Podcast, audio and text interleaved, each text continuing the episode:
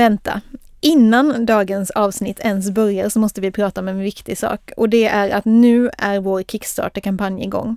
Och den håller på mellan den 4 maj och den 1 juni och det betyder att om man tycker om den här podden och vill att Bladen brinner ska fortsätta finnas kvar efter sommaren, då är det nu det gäller. Vem som helst kan stötta Bladen brinner ekonomiskt i den här kampanjen och det är superenkelt. Steg ett är att klicka sig in på vår Kickstarter-sida. Sen trycker man på den gröna knappen längst upp till höger på sidan. Den säger Back this project. Och sen bara följer man alla stegen. Man kan vara hur ovan vid Kickstarter som helst, man klarar det i alla fall. Min pappa har gjort det. Han har aldrig kickstartat någonting förut. Eh, och som tack för det här eh, så får man, förutom då chansen att lyssna på podden även i framtiden, eh, olika belöningar som tygkassar eller bokpaket eller andra fina saker beroende på hur mycket pengar man har pytsat in. Eh, och den här Kickstarter-sidan, den länkar vi till överallt. Det absolut enklaste sättet att hitta den, det är att gå in på bladenbrinner.se. Men vi kommer liksom att tjata om den här kampanjen i alla kanaler vi kan hitta och ja, det kommer kanske att kännas som att vi är två ettriga illrar kring allt det här. Men ni får hålla i huvudet att vi är ettriga illrar för en bra sak. Och ni får, förutom att stötta oss själva om ni kan det, extremt gärna hjälpa oss med två saker. Och det första är att dela länken till Kickstarter-kampanjen och det andra är att berätta för alla du känner om varför det är viktigt att stödja oss. Det är ju jättesvårt att få traditionella medier att satsa på barnboksbevakning och det ska vi prata mer om alldeles strax. Men Bladen brinner är alltså vårt sätt. Så när du har lyssnat klart på det här avsnittet, gå in på Kickstarter-sidan och stöd oss.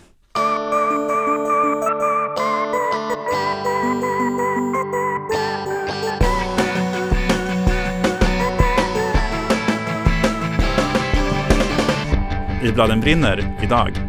Kitty Crowther har skrivit en bok om sömn. I think it's a big thing. You know, falling asleep and waking up in the morning and you're still alive. Alex Haridi lär mig saker om struktur. Nu blir det klyschmaraton här, men bra dramaturgi ska inte synas. Och så diskuterar vi kritik av barnböcker med förläggaren Erik Titusson. Välkommen till Bladen brinner.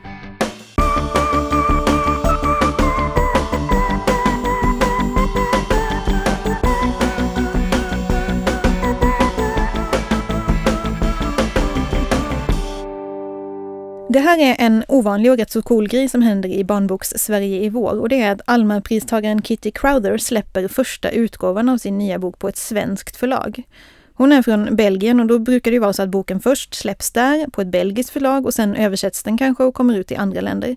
Men nu har alltså Kitty Crowther valt att jobba med Lilla Piratförlaget som sitt förlag för den här boken och därför släpps den först här på svenska. It's one of my longest book. There's a 80 pages. So it's um, picture and text, and there's three stories. And then in between stories, you go back to each time to Mother Bear and Little Bear. And it starts because Little Bear says, Could I have three stories, please, please, please? And Mother Bear says, Three stories? I said please three times. I love this logic that kids can have. Boken som Kitty Crowther pratar om här heter Sagor om natten och är precis ny. När jag såg den första gången var min spontana reaktion vad rosa den är. Signalneonrosa, liksom. Den sticker ut. Och Kitty Crowther är alltså en illustratör och författare som bor i Belgien. Hennes pappa är engelsk, hennes mamma är svensk och 2010 fick hon Alma-priset. Jag undrar var hennes idéer kommer ifrån. I think that you get ideas. It's like a muscle. You train it to have ideas. And it's like something talking to you. So I don't know, it's just like if you decide that the universe is talking to you, not because you're very incredible, but because everything talks. Everything is a story. And so you see stories everywhere if you start looking at it. And then it pops up. And then it's kind of synchronicity. It's kind of, oh, but then I could do this and then I could do that. And you play around. and I was saying how much, for me, when you write a story or when you invent a story, It's very much like playing at the same energy. När jag bläddrar i Sagor om natten känner jag igen en massa teman från Kitty Crowders tidigare böcker. Jag tänker på naturen som ett levande väsen nästan. Skogen, en stark kvinnlig karaktär som måste försvara sig med ett svärd till exempel. Och kanske är det för att jag letar efter det, men jag tycker också att jag ser en massa svenska kopplingar. Elsa Beskow till exempel. Det finns en flugsvampshatt i Sagor om natten som får mig att tänka på Tomtebobarnen. Yeah, my, my mother had um, those books because she was a teacher, but they were in Swedish, and I don't have a memory of her telling me the story, or maybe very, very roughly, like this is happening, this is happening. But there were so many pictures I couldn't understand what was going on, and they were a bit frightening. But it's amazing that I kept going back to it, like what's there and why are they doing this and why this but i have mainly the three sisters the three aunts. Yeah. and the old man and the little boy and the little girl and the dog little black dog and a white dog. And then you like father christmas. Yes. that's quite frightening and but beautiful. I find it very beautiful. I think it, uh, being a bit scared is important. Keep you aware that there's not just nice things of course it there's nice things and of course there's bad things and you have to conceal the both side Ja, och Sagor om natten är en bok om att sova, att somna, att drömma, att berätta godnattsagor. Det låter ju jättemysigt, men inte bara. i'm always thinking about well when you go to bed it's a form of when you fall asleep it's a form of separation between day and night and what is this thing that happens? And what is this thing of dreaming? And where do you go? And where do you come from? You know it's, it's i think it's a big thing you know falling asleep and waking up in the morning and you're still alive. So uh, yeah I, so, I think it's a very inspiring subject very Yeah. inspiring theme. Uh, so uh, we talked about a little bit about ages uh, of the readers. Who who do you think could read this book? How old do you have to uh, have to be? i think it's for nobody That's good. That's a good answer. uh, I have always a problem with that because, um, of course, i I mean, I remember as a mother thinking, oh, well, he's about five, and what do you have around that age? But then a child is not another child.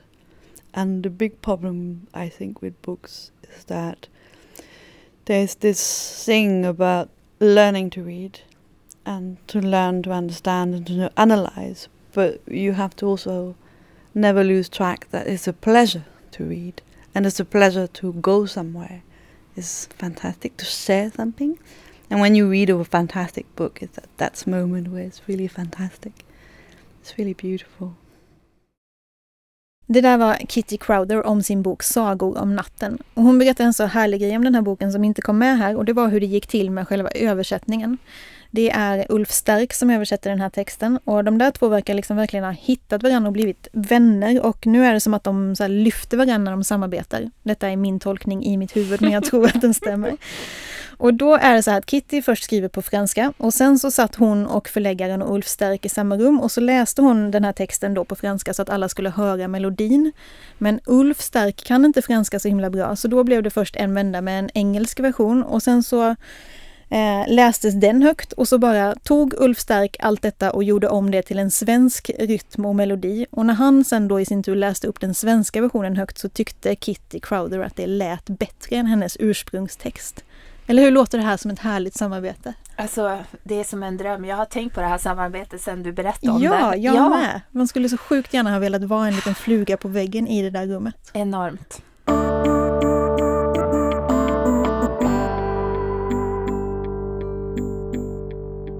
Och en som var en fluga på väggen i det där rummet, det var Erik Titusson.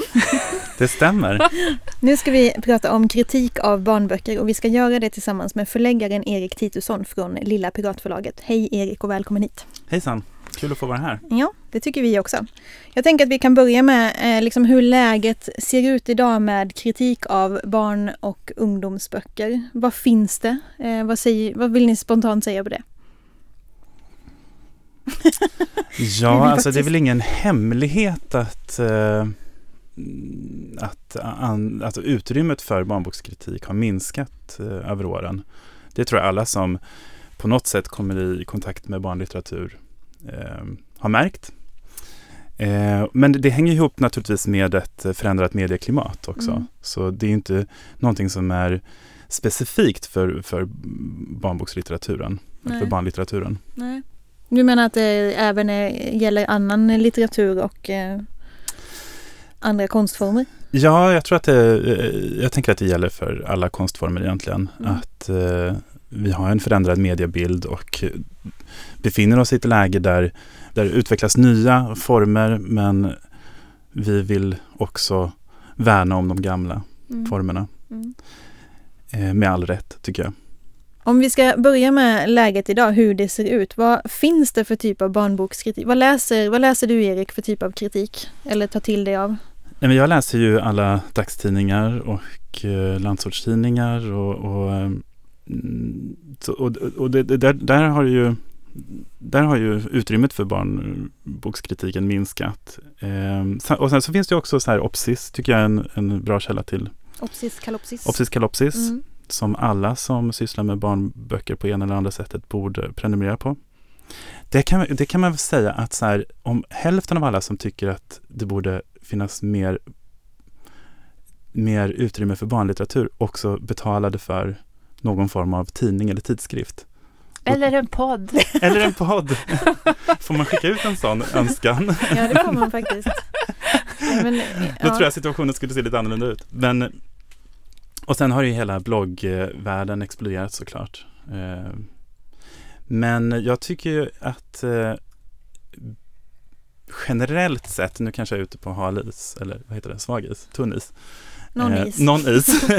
Men jag tycker ju att bloggar läser jag väldigt sällan. Mm. Eh, och om jag läser så är det mer för att se liksom vad, vad, eh, hur tas det här emot. Eh, men jag lägger inte någon, det påverkar inte mig i mitt arbete. Nej, varför inte då?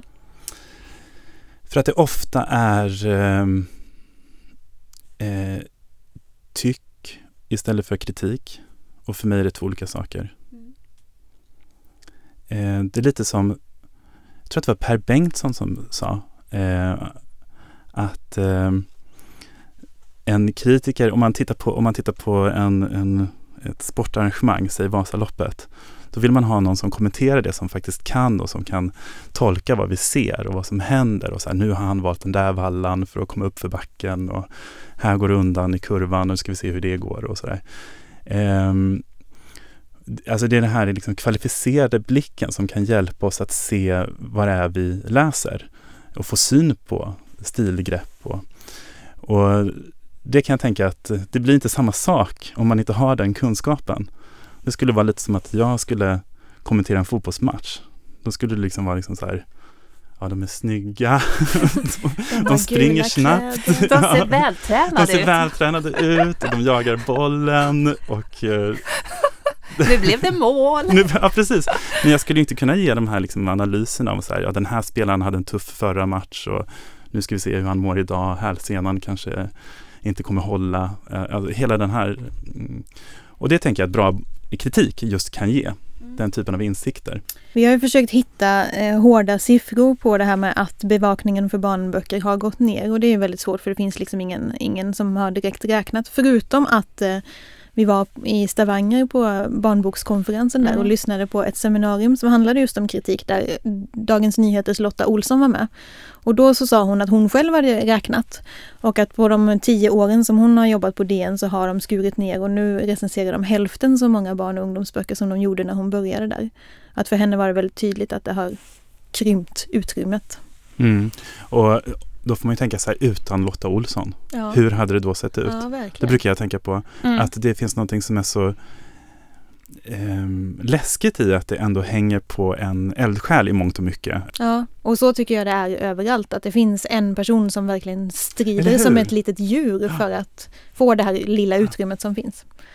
Vad, om vi nu eh, konstaterar då att det är så, att det finns väldigt lite utrymme och ganska lite barnbokskritik, mm, barnboksbevakning. Vad får det för effekter då? Vad får det för effekter, om du börjar hos dig Erik som förläggare, vad får det för effekter för ett förlag? Ja, alltså, jo, men jag, jag tittade också på, jag pratade med, med Lotta om det där och då utifrån hennes siffror så kom jag fram till att det recenseras ungefär 75 böcker, eh, barnböcker då, i Dagens Nyheter per år. Eh, och det är väl en halvering då de senaste tio åren eller någonting sånt. Men det är alltså 3% av barnboksutgivningen. Mm. Så sen på de här tio åren så har antalet utgivna böcker fördubblats och antalet recensioner halverats. Och det där är ju en ekva ekvation som naturligtvis får konsekvenser. Um, en konsekvens är ju att författare som tycker att de borde och förtjänar eh, recensioner inte får recensioner. Och, eh, och det är ju samtal som jag får ta emot som förläggare. Varför recenseras inte min bok i Dagens Nyheter till exempel? Och det kan man ju, liksom när man visar på siffrorna så är det klart att det förstår ju alla på ett rationellt plan att det är svårt att vara en av de där 75 böckerna.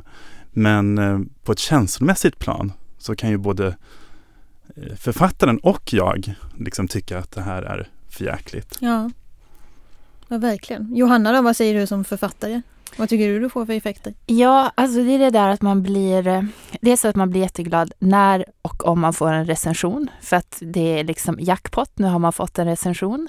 Eh, men sen så tycker jag också att det har blivit lite sådär, om man tänker på kvaliteten på recensioner, att det känns... Eh, en skillnad mot vuxenförfattare är att det känns som att varje bok tas på barn och ung tas som bara en enda bok. Det är liksom inte det här författaren har jobbat i den här eh, temat förut eller utvecklar vidare detta och detta, utan att det blir lätt, vi har bara läst den här boken, kan inte säga någonting om det som har kommit före.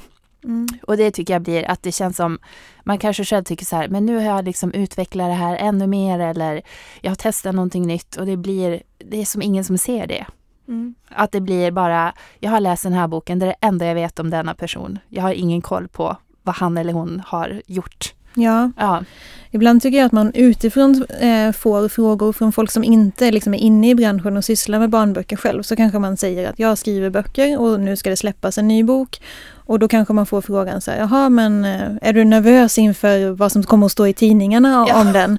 Och man bara så här, det börjar behöver jag aldrig vara. skratt, skrattgråta lite för att det, den nervositeten behöver man ju inte ha på gott och ont och kanske. Man behöver inte vara nervös men det är ju också som att man ja, eh, det är ju väldigt många böcker som ges ut utan att det ens överhuvudtaget nämns någonting om dem. De ges ut och sen så finns de i bokhandeln och sen så är det ingen som pratar om dem och sen så försvinner de bort från bokhandeln. Ja, och det, det gäller ju för de allra, allra flesta böcker som kommer ut. Men och en annan sak det här som, som du säger Johanna, det hänger ju också ihop med längden på recensionerna. Där man har gått från kanske då att en recension fick vara 10 000 tecken till att den nu är 2 000 tecken. Mm. Och har man det utrymmet då är det lätt att det blir liksom ett, ett eh, handlingsreferat och sen så en, ett slutgiltigt eh, omdöme. Eh, det här är en bra bok eller det här är en halvbra bok. En annan konsekvens är ju att de flesta recensioner är positiva recensioner. Att man märker att journalisten vet om att jag kan bara skriva om ett fåtal böcker. Nu gäller det att, att det är bra böcker som förtjänar den platsen på något sätt. Det här har jag inget belägg för, men jag har liksom, det är en upplevelse som jag har. Men det är inte så konstigt att vi vill ha revolution och mer barnboksbevakning för vi pratar ju alla tre i egen sak. Vad, vad tror ni liksom att gemene man som inte är inne i den här branschen har för nytta av mer, mer samtal om barnböcker? Men det finns, det finns ett, ehm, en, ett litet problem med barnlitteraturen är att vi är så himla rädda för att prata om kvalitet. Det Eh, finns en rädsla för en kvalitetsdiskussion. Eh, och där tycker jag ändå att recensionen eller kritiken har, är liksom en utpost för det som vi måste värna om. Eh, för inom alla andra områden när det gäller, eh, när det gäller våra, våra barn så, så tänker vi, så tar vi ett ansvar för att de ska liksom, vi vet vad som är bra kvalitet när det gäller mat, när det gäller kläder, när det gäller det mesta och vi, har, vi är inte rädda för att ta det vuxenansvaret. Men när det gäller barnlitteraturen så är det, finns det liksom en rädsla för att man ska säga att det här är bra litteratur, det här är kvalitet. Och där tycker jag att eh, kritiken har ett, eh, har en, spelar en stor roll. Att de föräldrar som faktiskt tar det vuxenansvaret kan eh, läsa initierade texter om barnlitteratur och på så vis upptäcka nya författarskap tillsammans med sina barn. Jag håller verkligen med, för annars blir det lätt om man går in på en bokhandel så är det ju lätt att förväxla kvalitet med kvantitet för att man ser här har vi topplistan, de här travarna ligger på det här bordet direkt vi kommer in. Och då menar jag inte att det inte är bra böcker som säljer jättemycket, men att det är liksom lätt att bara gå på den här är bästsäljaren, den passar till en tioåring, vi tar den. Ja, precis, det är väldigt lätt att det mest, mest eh, sålda, det mest eh, lästa också blir det bästa. Ja, Och det kan det ju vara. Det behöver inte finnas Absolut. en motsättning. nej. Men eh, det är ju absolut ingen förutsättning. Nej. Nej, verkligen inte. Jag tänker att det överhuvudtaget också är ganska svort att hitta. Om man är en förälder som inte har så bra koll, då är det ju svårt att hitta rätt bok till rätt barn. Som det tjatas om hela tiden, att man måste få göra barnen till läsare så måste man serva dem med böcker som de verkligen gillar och så. Hur ska man hitta dem då? Om det liksom inte finns någon, något forum där det pratas om böcker. Jag tycker att det känns eh, som att lämna, ja, ja, att famla i mörker tycker jag det borde kännas som att man, så här, man står där i bokhandeln och bara, jaha, hur ska jag veta? Ja, Men det där är ju jättesvårt och det, och det är därför som det, vi pratar ju så himla mycket om att så här, barns läsning och hur viktig den är. Men eh, där kritiken är ju precis som du säger en, en, ett sätt att nå ut med den kvalitativa läsningen till de här barnen som vi nu, att vi tycker, som vi nu tycker är så viktigt att de ska börja läsa.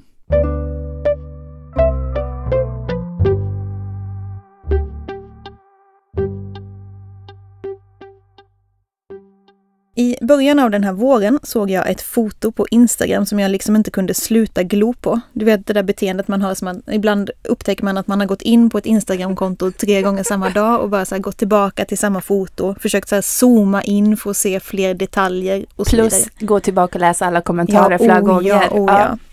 Det kontot tillhörde författaren Alex Haridi och fotot föreställde en vägg som han hade fyllt med post-it-lappar. Um, jag tror att jag kallar det här min strukturvägg. Uh, det är ju post-it-lappar um, som jag satt upp på en vägg. Eller jag satt upp dem på um, A2-papper. Uh, för att annars ramlar de ner.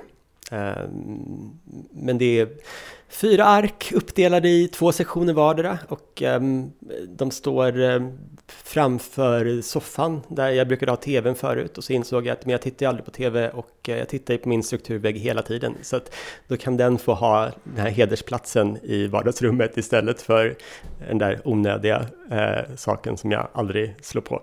Alex Haridi är väl kanske mest känd som manusförfattare för tv, men också som författare till ungdomsboken Huset mitt emot som kom för några år sedan.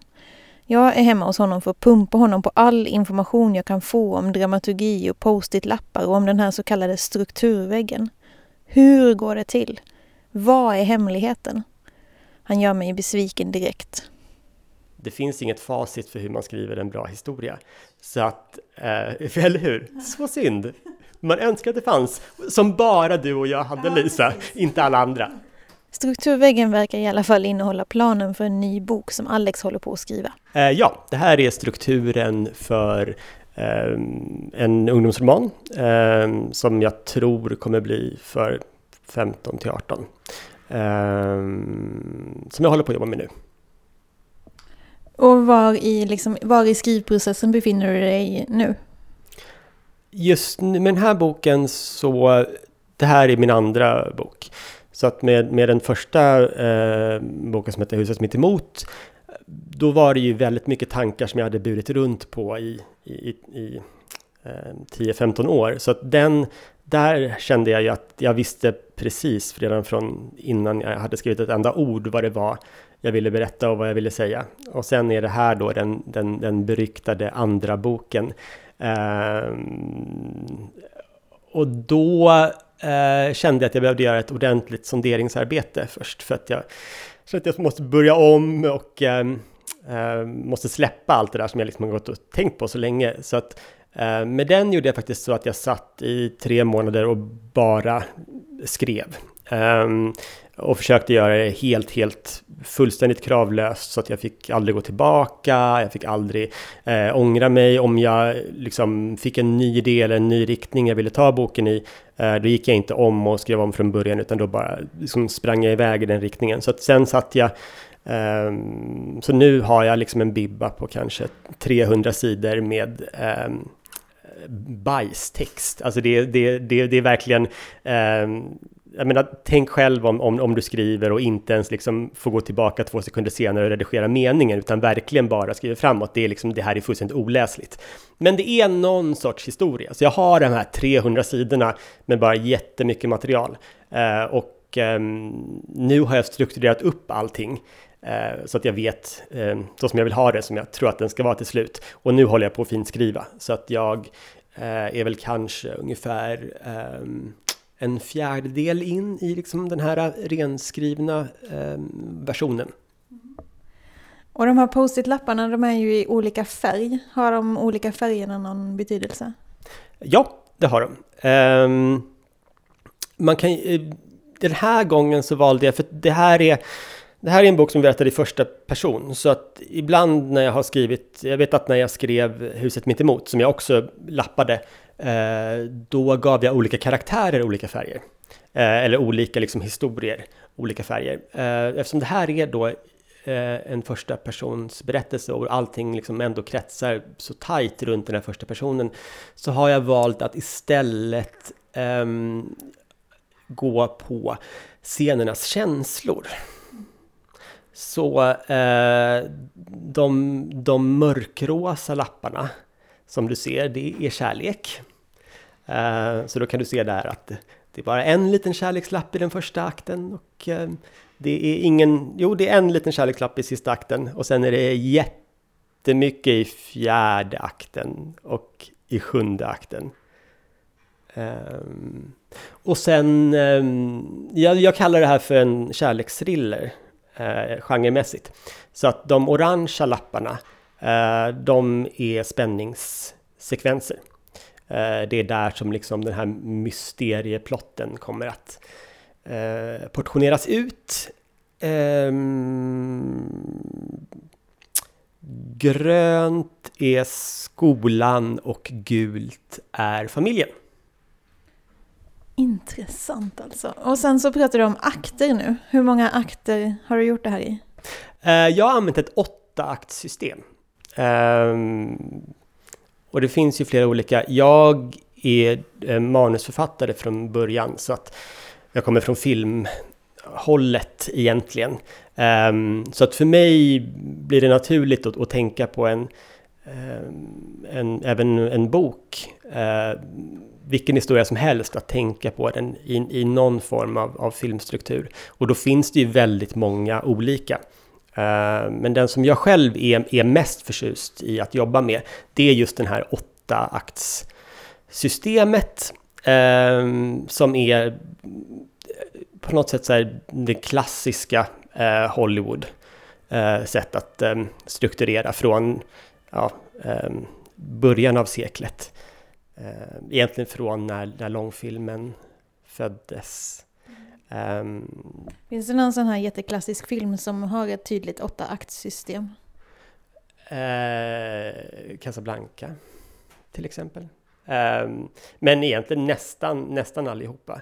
Um, det aktsystemet växte ju fram um, för att i, i tidernas begynnelse så var ju en filmrulle bara 12 till 15 minuter lång. Um, och i de här tidiga biograferna uh, så hade man inte två projektorer, så man fick alltid ta en liten paus när man skulle byta rulle uh, under biografvisningen. Uh, och ganska tidigt började man därför, Hollywood-människorna, liksom lägga, lägga vändpunkter ehm, när det var dags att byta rulle för att folk skulle sitta kvar och inte, inte gå därifrån. Um, och sen så är det, uh, som allting sånt här är, nu för tiden så är ju folk så medvetna om, de har sett så mycket, de har, eh, det är, all, alla kan ju egentligen filmdramaturgi, de, det sitter i kroppen på en. Och man, även om man inte vet att man kan det, så blir man ju nervös när det inte är som, som, som man känner att det ska. Um, så att det här har ju liksom, men folk har lärt sig att ja, men var tolfte minut, tittar jag på film eller tv, då ska någonting hända var tolfte minut, liksom det ska komma en vändning. Jag är en dramatur dramaturginörd och har liksom eh, läst allting jag har kommit över någonsin eh, om dramaturgi. Um, och jag tycker att det är också roligt att, att, att leka med folks förväntningar. Så att bara för att någon känner att ja, men nu är vi nu är vi 75% igenom och nu borde det här hända. Eh, att kanske låta det som folk då vill ska hända inte hända. Eh, med huset mitt emot så jobbade jag jätteaktivt med strukturen. Eh, och där finns det en sorts, ett sorts liksom metaplan som jag tror går, går, alla, går över huvudet på alla utom, utom mig.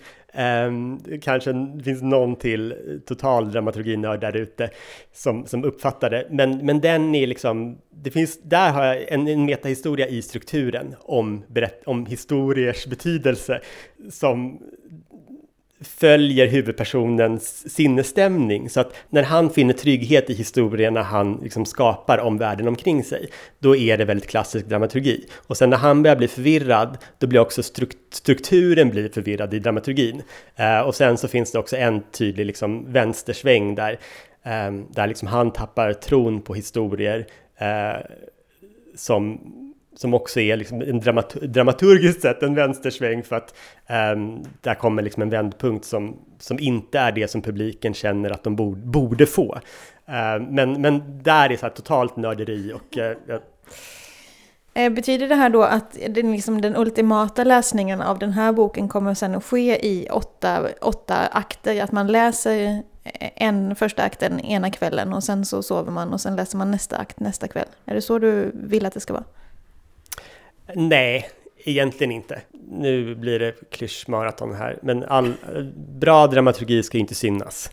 Så att egentligen så ska folk inte känna eh, de här akterna när de läser, eller de ska känna det instinktivt någonstans i kroppen, att, att de känner sig i trygga händer. Jag skulle inte säga att de känner sig trygga, för att det är, har ju någon sorts thriller-element som man ska känna lite orolig också, men att man, eh, att man känner att man litar på boken. Men eh, Eh, ah, jag, jag, vill nog helst inte att, att folk ska sitta och eh, eh liksom humma för sig själva att så här, mm, nu kom tredje vändpunkten, intressant. Utan helst ska man ju vara så inne i karaktärernas eh, liv att, att det inte händer. Och det här åtta aktsystemet är ju bara ett av, jag ska inte säga tusen sätt, men, men det finns ändå kanske en 9, 10, 11 kanske liksom ganska etablerade eh, modeller för, för, för hur en historia kan berättas. Men hur gör du då? då? Liksom har du då de här 300 sidorna med bajstext som du har spottat ur dig. Eh, och sen tänker du så här, vilket, vilket system skulle kunna passa för den här historien? Eller är det alltid de här åtta akterna du faller tillbaka på? Eh, med eh, den här romanen så ehm, tänkte jag att jag skulle variera mig. Åtta akterna är min favorit. Det är det absolut. Jag är jättebekväm att jobba där. Um, men just efter också eftersom det så här är en andra roman, man funderar på så här, ja men hur ska jag variera mig själv? Jag vet att de liksom första veckorna när jag satte mig ner och var så här, nu ska jag skriva en roman, vilket ju aldrig, inte hade hänt med den förra, för den var ju bara någonting som var så här, det här är kul att skriva, det här kanske blir någonting, det, annars så slänger jag det, det är ingen fara för jag har kul. Uh, och så skulle jag så börja pressa ur med idéer. Då kände jag ju att, att allting jag hittade på var ju liksom huset mitt emot igen fast med andra namn uh, på en annan plats. Så att för att variera mig själv hade jag faktiskt från början planerat att jag skulle använda eh, ett femmaktssystem som är det till exempel Ibsen använde när han strukturerade upp. Eh, men sen så eh, insåg jag att, att det här är inget Ibsen-drama. Och de här modellerna är ändå så pass universella att bara för att jag använder ett åttaaktssystem i den här boken också så kommer det inte vara en upprepning av den förra, för det handlar om så otroligt annorlunda saker. Det där var Alex Haridi som hittills har skrivit en ungdomsbok som finns färdig och den heter Huset mitt emot och kom för två år sedan. Den här boken som han håller på att skriva nu och pratar om i inslaget, den har ingen färdig titel ännu och det är inte ens riktigt klart när den kommer att släppas. Men när den gör det sen, då läser ni den och så tänker ni post-it-lapparna. Det var så här de blev.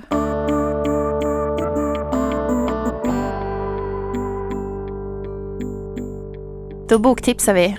Yes, vad vill du tipsa om idag? Jag har en isländsk bok. Mm -hmm. Det är ju fantastiskt. Den heter Noll koll. Den är skriven av Arnar Mar Arngrimsson. Här borde jag haft en ljudfil. Men i alla fall, den var Nordiska rådets litteraturpris för barn och unga 2016.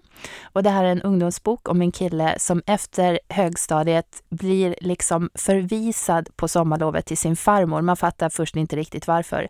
Men han ska vara där i tre månader och farmor bor långt, långt, långt ut på vischan. Han har inte träffat henne på flera år, så han anser att det här är ett straff. Och så blir det ännu värre för hans föräldrar plockar av honom mobiltelefonen. Oh ja, tre månader liksom helt avskuren. Och sen är han där och då handlar det väldigt mycket om vad han gör med sin farmor och typ den andra enda människa som finns där som är grannen, som är en gammal man. Och den här boken är den är så speciell. Jag vet inte om jag gillar den. Eh, och det är därför jag vill tipsa om den. För det är en sån bok som man kommer att tänka på. Så vissa partier tycker att den är bara jättekonstig och faktiskt ganska dåligt skriven. Och sen vissa partier tycker att den är fantastisk. Vad intressant. Den är intressant och man kommer liksom att, ja men man kommer att minnas den. Så det här är en sån här, läs och se vad ni tycker. Kanske är det en älska hata bok, jag vet inte. Mm. Mm. Och du gör både och. Jag gör både och. Jag står i mitten och velar. Bra. Jag vill tipsa om en bilderbok som heter Kattfesten som är skriven av Siri Ahmed Backström och den är helt ny. Och den handlar om ett barn som har längtat efter att få en katt i typ 100 år och nu äntligen så ska de hämta hem den här katten och ha en kattfest för sina kompisar. Det är bara det att när hon kommer till gubben som ägt katten förut så är han så otroligt ensam. Och han har bakat, han har ställt fram fika, han vill prata i tusen år om allt de behöver veta för att kunna ta hand om den här katten. Han har foton på väggarna på katten och på sin fru som jag då tolkar in att hon är död. Eh, och så skickar han med dem till och med ett foto som katten ska få titta på. Så det här är min fru, katten gillar att titta på det här fotot. Eh, och han, jag tänker mig att han kanske ska in på ett ålderdomshem och det är därför han måste sälja den här katten. Och då uppstår liksom det här dilemmat efter ett tag. Så här, eh, vem behöver den här katten mest? Hur gör man om man är ett barn som har längtat efter den här katten? Tar man med sig katten hem och har sin kattfest som man har planerat eller tänker man i ett lite större perspektiv och tänker att den här gubben kanske behöver sin katt ännu, ännu mer. Och det är så otroligt hjärtskärande fast liksom inte på ett jobbigt sätt att läsa den här boken. Jag tycker att det är så fint att den väcker de här frågorna om ensamhet och längtan och liksom att vidga sitt eget perspektiv och se till någon annans bästa istället för sitt eget bästa. Men jag tycker det låter som en gråtfest. Ja, Kattfest, det är inte det. gråtfest, det, det är inte det. Nej, man gråter, inte ens jag gråter faktiskt, vilket är helt otroligt för jag gråter ju till allt. Möjligtvis att jag får en tår i ögat när gubben pussar sin katt hej då i, i närbild. Det är otroligt, det är jobbigt. Eh, Men man kan i alla fall läsa den från fyra år och jag tycker den är jättefin. Det här vill Kitty Crowder tipsa om. I got really fascinated by the work of John Klassen. And the one uh, book, I think in French, c'est Le Chapeau Perdu, The Lost Hat. Jag vill ha min hatt heter den på svenska, av Jon Klassen. I think the story is under the water and it's a very big fish that has a hat. And little hat, little fish steals his hat. And it's so interesting because he runs away with the hat. I mean, swims away with the hat. And then he think, oh, the crab sees me. I hope he won't tell the big fish where I've gone. And in the page, you see the crab going, Pointing his toe. Yes. And you understand that in fact he's in bad, bad trouble. You know, he's going to be in huge problem because each pages you realize that the big fish is following him. So suddenly he goes into the algas. This is almost the end of the story. Little fish disappears. The big fish goes into the algas. And then the big fish comes out with his hat. Oh my god. So you just don't know what happened to the little fish. But I really love that it's open. This is so clever. It's really, really like uh one of those interesting films where you understand things in the picture. Och så här sa Alex Haridi. Jag tycker att har man inte läst eh, Jag ger dig solen eh, av Jandy Nelson så finns det faktiskt ingen anledning eh, längre att inte ha läst den. För att det är också en sån där historia som det finns ett mysterium i den och man, man den är så otroligt snyggt strukturerad. Det är ju en, en, en roman då som, som, som leker med två olika tidsplan. Um, där det är en karaktär som berättar en historia från när han är 11 och um, Nej, 12. Och sen så är det en, en hans eh, tvillingsyster berättar några år senare. Jag följer också lite extra alltid om det, eh, om det finns något, något intressant eh, strukturellt grepp Eh, som det då finns i den eh, och som är så fantastiskt eh, genomfört. För att man förstår ju att mellan de här två tidsplanen så har det hänt någonting. Eh, för att i ett tidsplan så är det har syskonen en fantastisk relation och i nästa tidsplan så är de så vidriga mot varandra. Och man, och man eh, sliter sitt hår för att liksom få veta vad, vad är det som hände här i det här glappet. Och det var allt för den här gången. Nu får man inte glömma bort att kasta sig in på Kickstarter. Eller hur? Bladen brinner görs i samarbete med kidsread.se, Mediegymnasiet i Nacka Strand, Dieselverktans bibliotek och alla bokförlagen som heter Rabén och Sjögren, Bonnier Carlsen, Alfabeta, Opal, Lilla Piratförlaget, B. Wahlströms och Bergs bokförlag. Tack så jättemycket. Tack också till vår producent som heter Gustav Edman. Håkan Nybo har skrivit musiken och Frida Önell hjälper oss i våra digitala kanaler. Ni hittar oss på Facebook, på Instagram och på vår sajt bladenbrinner.se och på Kickstarter nu då under maj. Och för att hitta till den här Kickstarter-kampanjen nu, då går man enklast in på bladenbrinner.se så kommer ni att slussas vidare därifrån.